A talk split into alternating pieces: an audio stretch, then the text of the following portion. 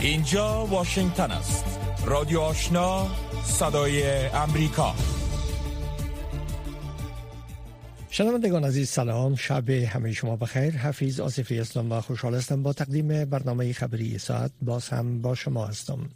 اما قبل از همه خالد مفتون تازه ترین خبرهای افغانستان منطقه و جهان به توجه میرسانه سلام و وقت بخیر. عبدالله عبدالله رئیس شورای عالی مصالحه ملی افغانستان امروز هشدار داد که اگر پس از خروج کامل قوای بین المللی از افغانستان گروه طالبان تلاش کند تا از طریق خشونت به قدرت برسد اشتباه بزرگی را مرتکب خواهد شد. آقای عبدالله در مصاحبه اختصاصی با صدای آمریکا گفت که با خروج قوای بین المللی گروه طالبان احتمالا جسورتر شود و تلاش کند از خلای خروج قوای بین المللی از افغانستان به نفع خود استفاده کند.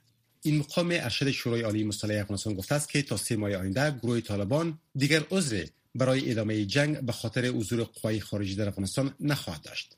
آقای عبدالله همچنین گفته است که اگر نمایندگان گروه طالبان در کنفرانسی که قرار است در ترکیه برگزار شود اشتراک نکنند این کنفرانس برگزار نخواهد شد و به گفته آقای عبدالله موقف گروه طالبان در مورد اشتراک در این کنفرانس مبهم است.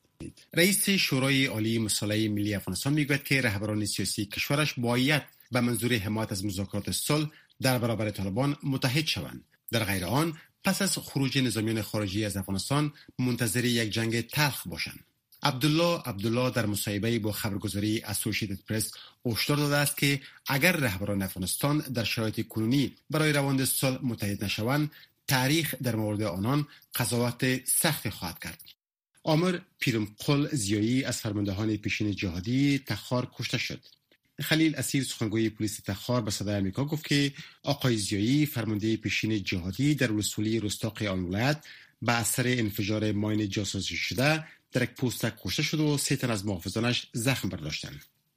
مقام های امنیتی ولایت زابل امروز یکشنبه گفتند که گروه طالبان حملات گسترده را بر پوسته های اطراف شهر قلات مرکز آن ولایت راه اندازی کردند. اما این حملات از سوی نظامی افغانستان دفع شده است. وزارت داخلی افغانستان امروز یکشنبه گفت که شمار کشته شدگان آتش سوزی ناوقت شنبه شب در شمال کابل به 7 نفر افزایش یافته و در این آتش سوزی 14 نفر دیگر زخمی شدند.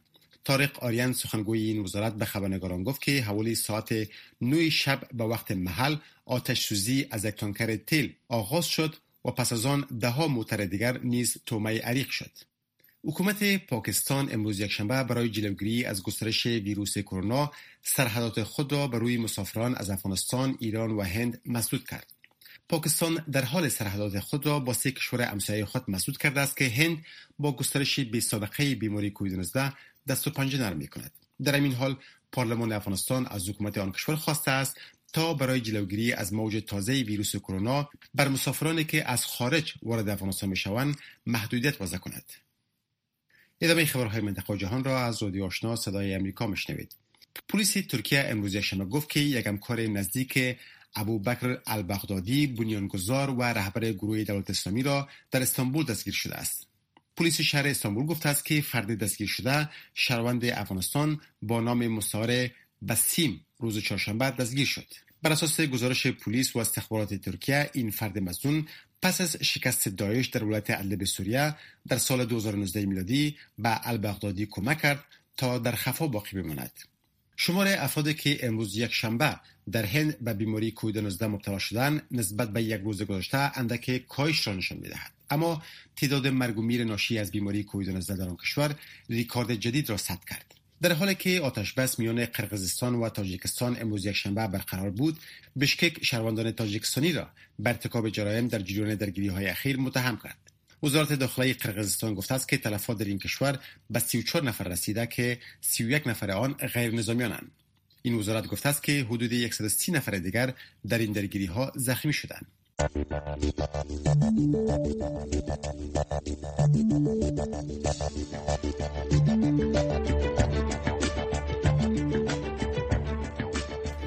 شنوندگان گرامی با سلام و شب بخیر. من نسرین محمود عزیزی گرداننده برنامه گفت و شنود رادیو آشنا. خوشحالم که با برنامه دیگری باز هم در خدمت هستم. در حالی که خروج نیروهای امریکایی از افغانستان به روز شنبه اول ماه می به طور رسمی آغاز شد کشور وارد فصل جدید خواهد شد که آوردن ثبات و امنیت در خط مقدم این فصل قرار خواهد داشت. سناریوی ثبات و امنیت افغانستان چگونه شکل خواهد گرفت؟ در برنامه امشب پیرامون همین موضوع بحث میشه. محترم محمود باهر فرمولی فعال فرهنگی و تحلیلگر امور سیاسی از شهر تورنتو کانادا مهمان برنامه هستند جناب آقای فرمولی سلام بر شما. تشکر که دعوت ما را پذیرفتید سلام بر شما و سلام بر شنوندگان محترم صدای امریکا. ممنون هستم از لطفتان و در خدمت هستم. آقای فرمولی اگر صحبت خود از پیشینه ورود امریکا به افغانستان آغاز بکنیم. با نظر شما یه بر قدرت 20 سال قبل با چی اهداف داخل افغانستان شد؟ سوال اصلا حیاتی سوالی که امید مردم و خوف و رجا یا بیم مردم در اون نهفته بود ورود امریکا یک فصل رهایی نویدگر بود. فصل که فصل تاریک افغانستان پشت سر میگذاشتن.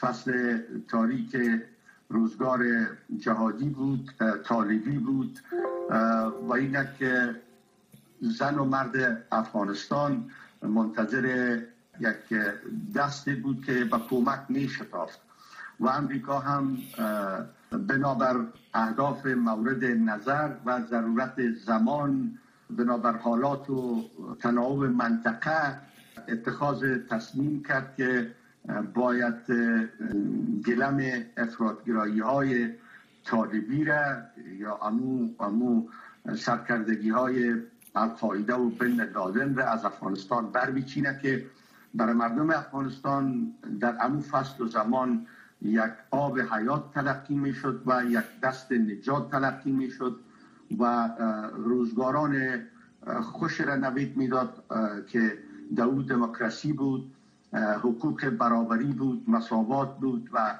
حقوق تلف شده بخش اعظم جامعه که زن افغانستان بوده او بود و, و نهادینه ساختن نهادهای بشری بود و بالاخره تاسیس نوع دولت سازی بود که به دست افغان ها و به هدایت امریکا در افغانستان خشت اول را باید نهاده میشه.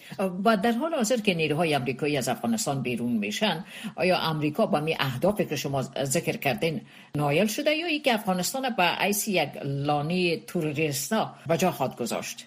نظرهای متفاوت در قبال ورود امریکا و در قبال خروج امریکا موجود است. افغانستان صحنه ها و تجربه های ورود و خروج قوت های را و یا قوت های جهانی را قدرت ها را در افغانستان از انگلیس تا شوروی و اینک امریکا تجربه می‌کنه زمینه هایی که امریکا با او امیدواری در افغانستان رفته بود برای امریکا در طول زمان چالش برانگیز تلقی شد. اول زمینه هایی که امریکا متوقع بود فرهنگ سیاسی در افغانستان رشد نکرده بود تضادهای درونی باقی مانده از جنگ دراز مدت یک نسل سرخورده بود و تضادهای سیاسی بود تنظیمی بود طالبی بود قومی بود تواری بود. با مشکل اگر واقعیت را ببینیم نمی‌تونست امریکا نسخه مجرب تمام ایار را برای از یک درد برای یک سرزمین برای یک فرهنگ ارائه بکنه که امریکا تا جای توانست با هزینه میلیاردها میلیارد دلار با کمک جهان ناتو تانست در افغانستان هزینه سازی بکنه. ولی اهداف امروز از لابلای جرائد ببینیم از لابلای اظهارات رؤسای جمهور ببینیم و از لحاظ وضع موجود افغانستان ببینیم که چقدر برآورده شده. جای شک نیست یک فضای تنفس آزاد در افغانستان به قیمت هزینه سرسام آور جانی و مالی هم بر امریکا هم بر افغانستان تمام شد. اما اما قدر که ورودش امیدوار کننده بود خروج امریکا در چنین فصل زمان بر مردم افغانستان که در نیمه راه های جنگ و صلح قدم می‌زنند یکم تشویش برانگیز است چالش برانگیز است. و یکم نومید کننده است که این خطرات و این تجارب از خروج شوروی در افغانستان و فروپاشی دولت ها در افغانستان مردم افغانستان کم نگران هستند جناب آقای فرمولی در حال حاضر خروج نیروهای امریکایی و ناتو از افغانستان برابر است با سال روز کشته شدن رهبر القاعده اسامه بن لادن در پاکستان. آیا همی هدف نهایی امریکا بود کشته شدن بن لادن برای امریکا و برای افغانستان؟ چی به بار آورد؟ از داوردهای اظهارات منابع رسمی امریکا حتی در سطح رسای جمهوری که فقط رفتن امریکا بیشتر از نجات افغانستان تخریب پایگاه های توریستیه که منافع امریکا را در امریکا نشانگیری می‌کنه زیادتر معطوف به او بوده و در بخش جانبیش در منطقه کشتن بن لادن یا دستگیری بن لادن یا داستان توربوره افغانستان که هنوز زبانزد عام و خاص هستند بناهن کشتن یا آغاز سپتامبر 11 بر افغانستان بر جهان بر امریکا یک فصل نوی بود در منطقه که به نگرانی های روس و نگرانی های چین و نگرانی های پاکستان و به نگرانی های ایران در منطقه زیادتر دامن می‌زد که امریکا به بهانه القاعده به بهانه بن لادن استقرار خود را در حوزه برای برای کنترل و مهار شدن مهار کردن ابرقدرت های زیدخل در مسائل افغانستان شاید تلقی و تعبیر می‌شد.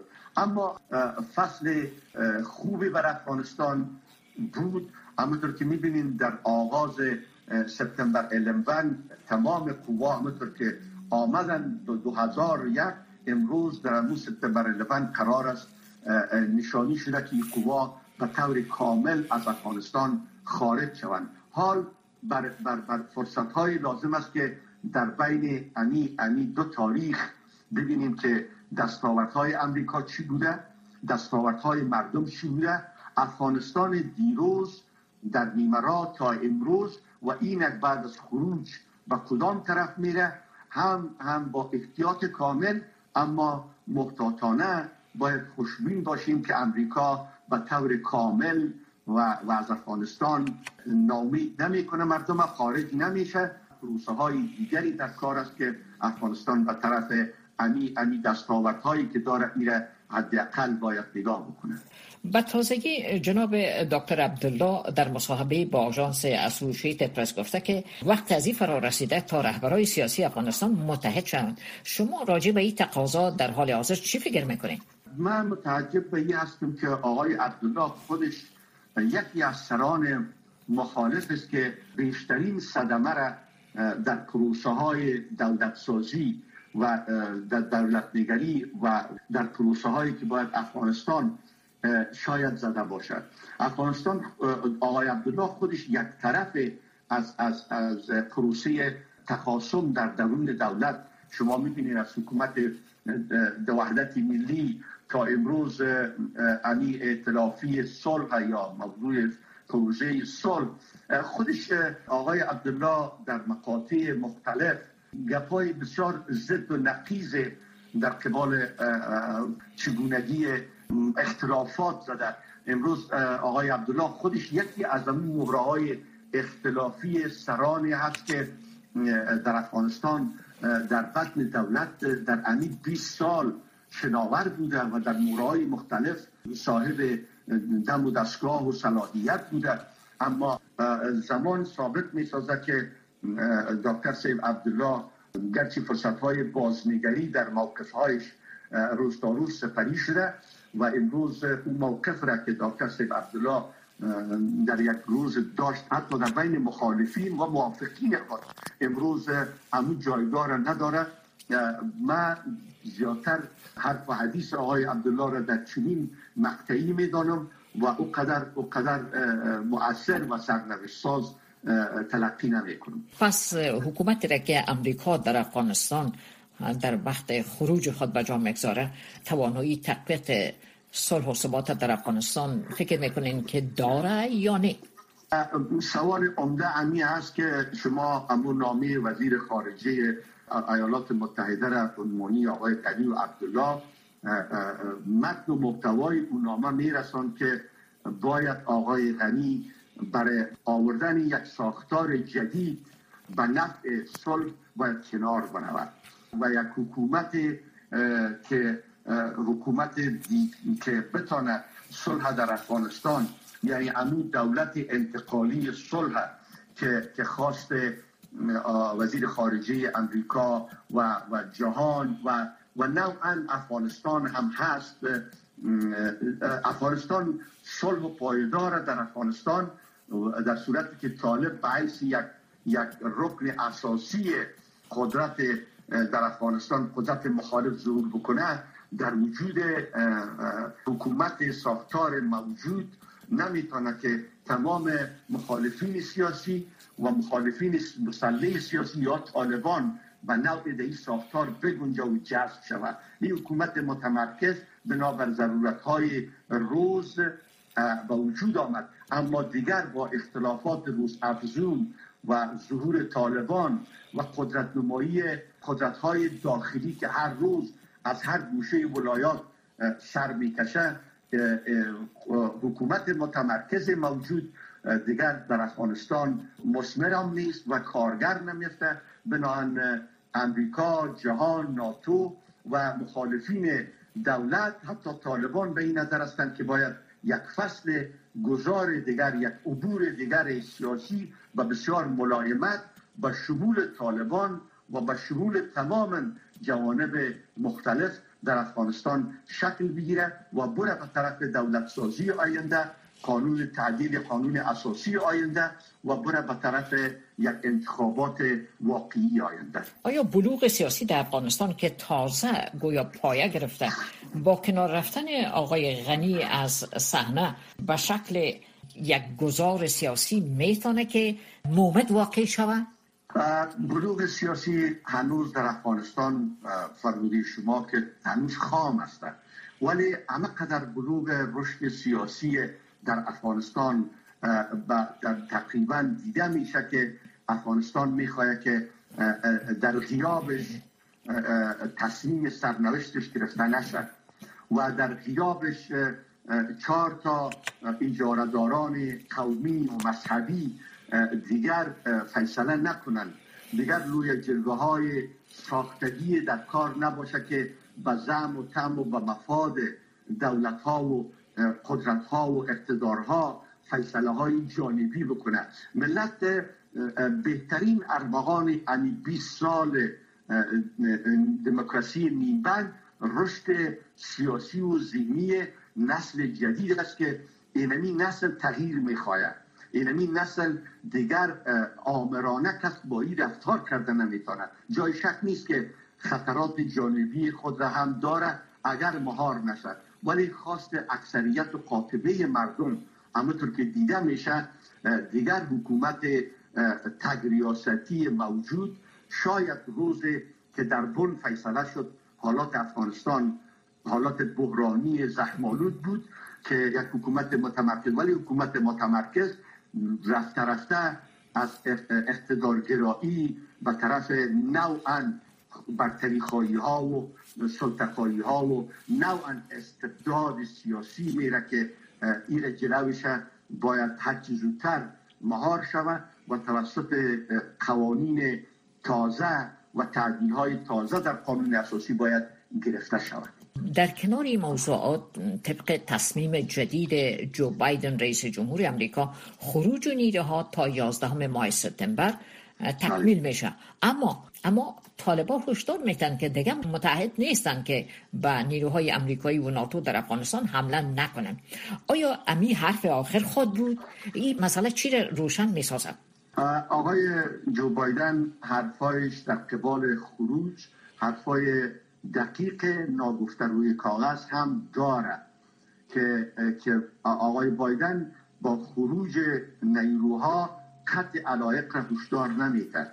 با خروج نیروها به اصطلاح عقب جبهه هم در نظر دارد و و به یقین کامل که آقای بایدن در سیاست های مورد نظر خود حالات افغانستان را بعد از خروج نمی‌خواهد که حالات خروج بعد از روس در افغانستان.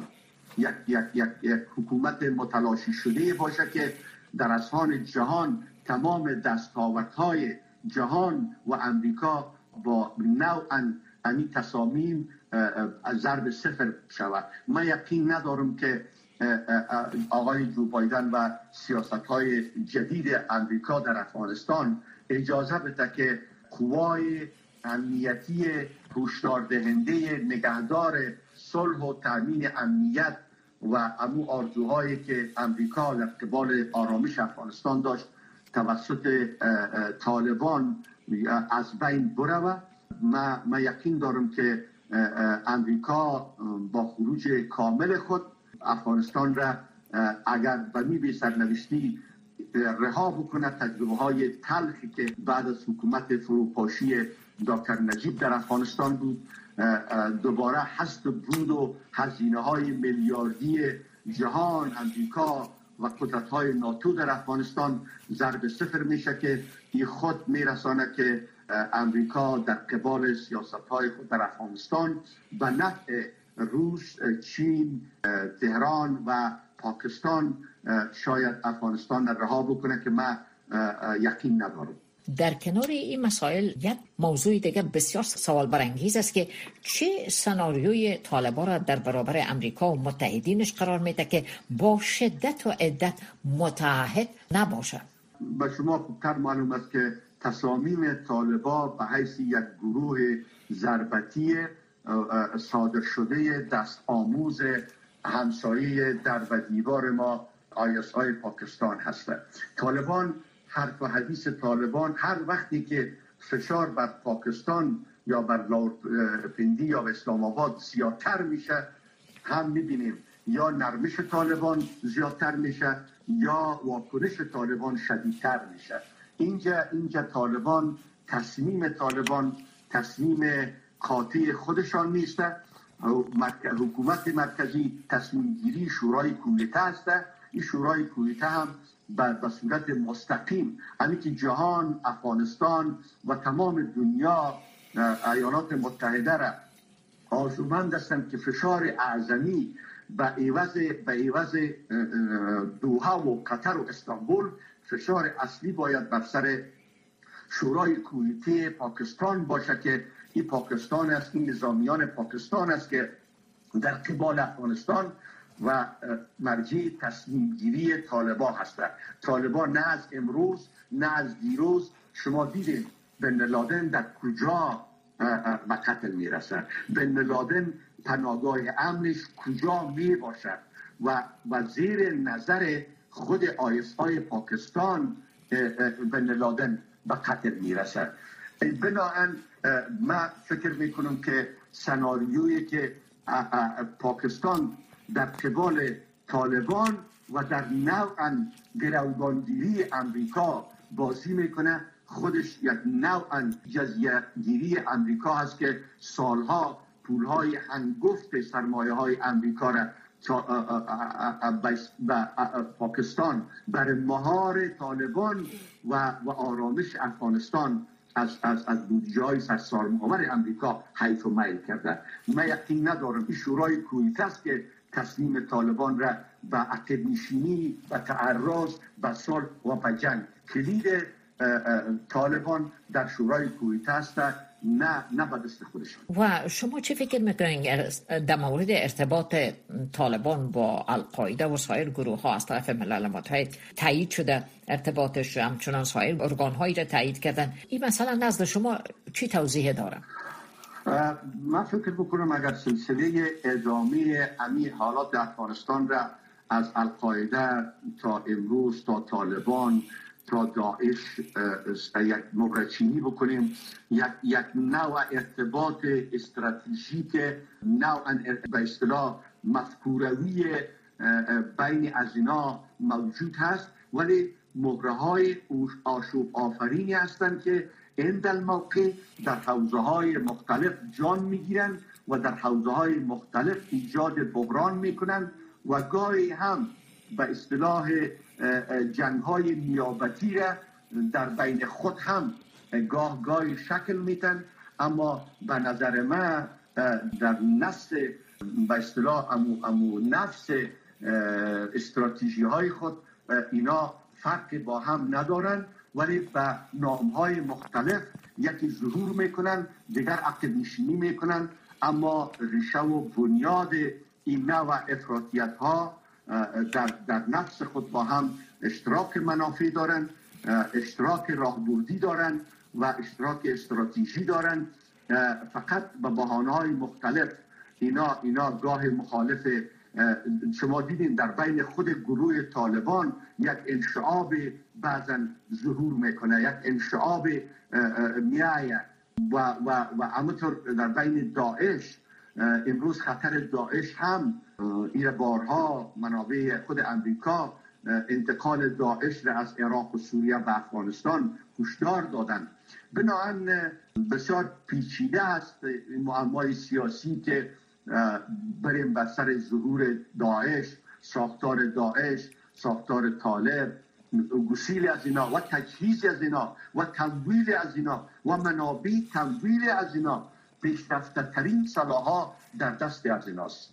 پیشرفته ترین تکنولوژی ها و وسایط جنگی نقلیه در اختیار از ایناست که از, از عراق و سوریه حرکت می‌کنن و حتی در ایران توقف نمی‌کنن میاین از پاکستان در افغانستان صادر میشن. خود یک یک حدیث مفصل دیگر است که باید ای باید کارشناسانه باید واشگافی شود.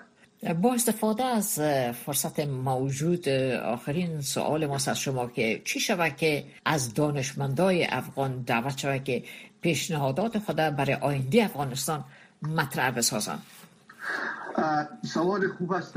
آرزوی تمام چیزفهمان خارج از افغانستان همواره در قبال افغانستان و داخل افغانستان همواره برای یک اجماعی که وعده داده شده و این اجماع یا اجماع قومی بوده یا اجماع تباری و سیاسی بوده یا اجماع تنظیمی بوده. اما اجماع عمومی و مفهوم واقعی خود که تمام نخبگان و روشنفکران و دلسوزان جامعه از سراسر جهان نظرخواهی شود.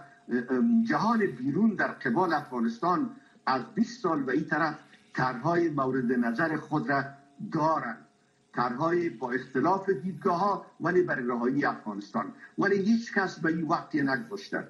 تماما هم مقام دولت های افغانستان برای تدبیر یک, یک اجماع نامنهاد که به حیث ابزار سیاسی به نام لوی جرگه بوده در اونجا خواستن که کسانی را دعوت بکنن که از هیچ نوع حالات سیاسی افغانستان از ارتباط چگونگی جیوپولیتیک افغانستان جیواکنومی افغانستان معلومات نداشتن از اونا دعوت کردن و آنچه خواستن مهر تایید را توسط از اونا گذاشتن که افغانستان به بحران رفته امیدوار هستم که دولت افغانستان یا دولت های بعدی افغانستان در یک اجماع روشنفکرانه در یک اجماع کارشناسانه از تمام جوانب که در بیرون مرز افغانستان یا در درون افغانستان که صدایشون شنیده نشده باید دعوت به عمل بیارن که تا, تا طرح همه جانبی را با استفاده اما با کمک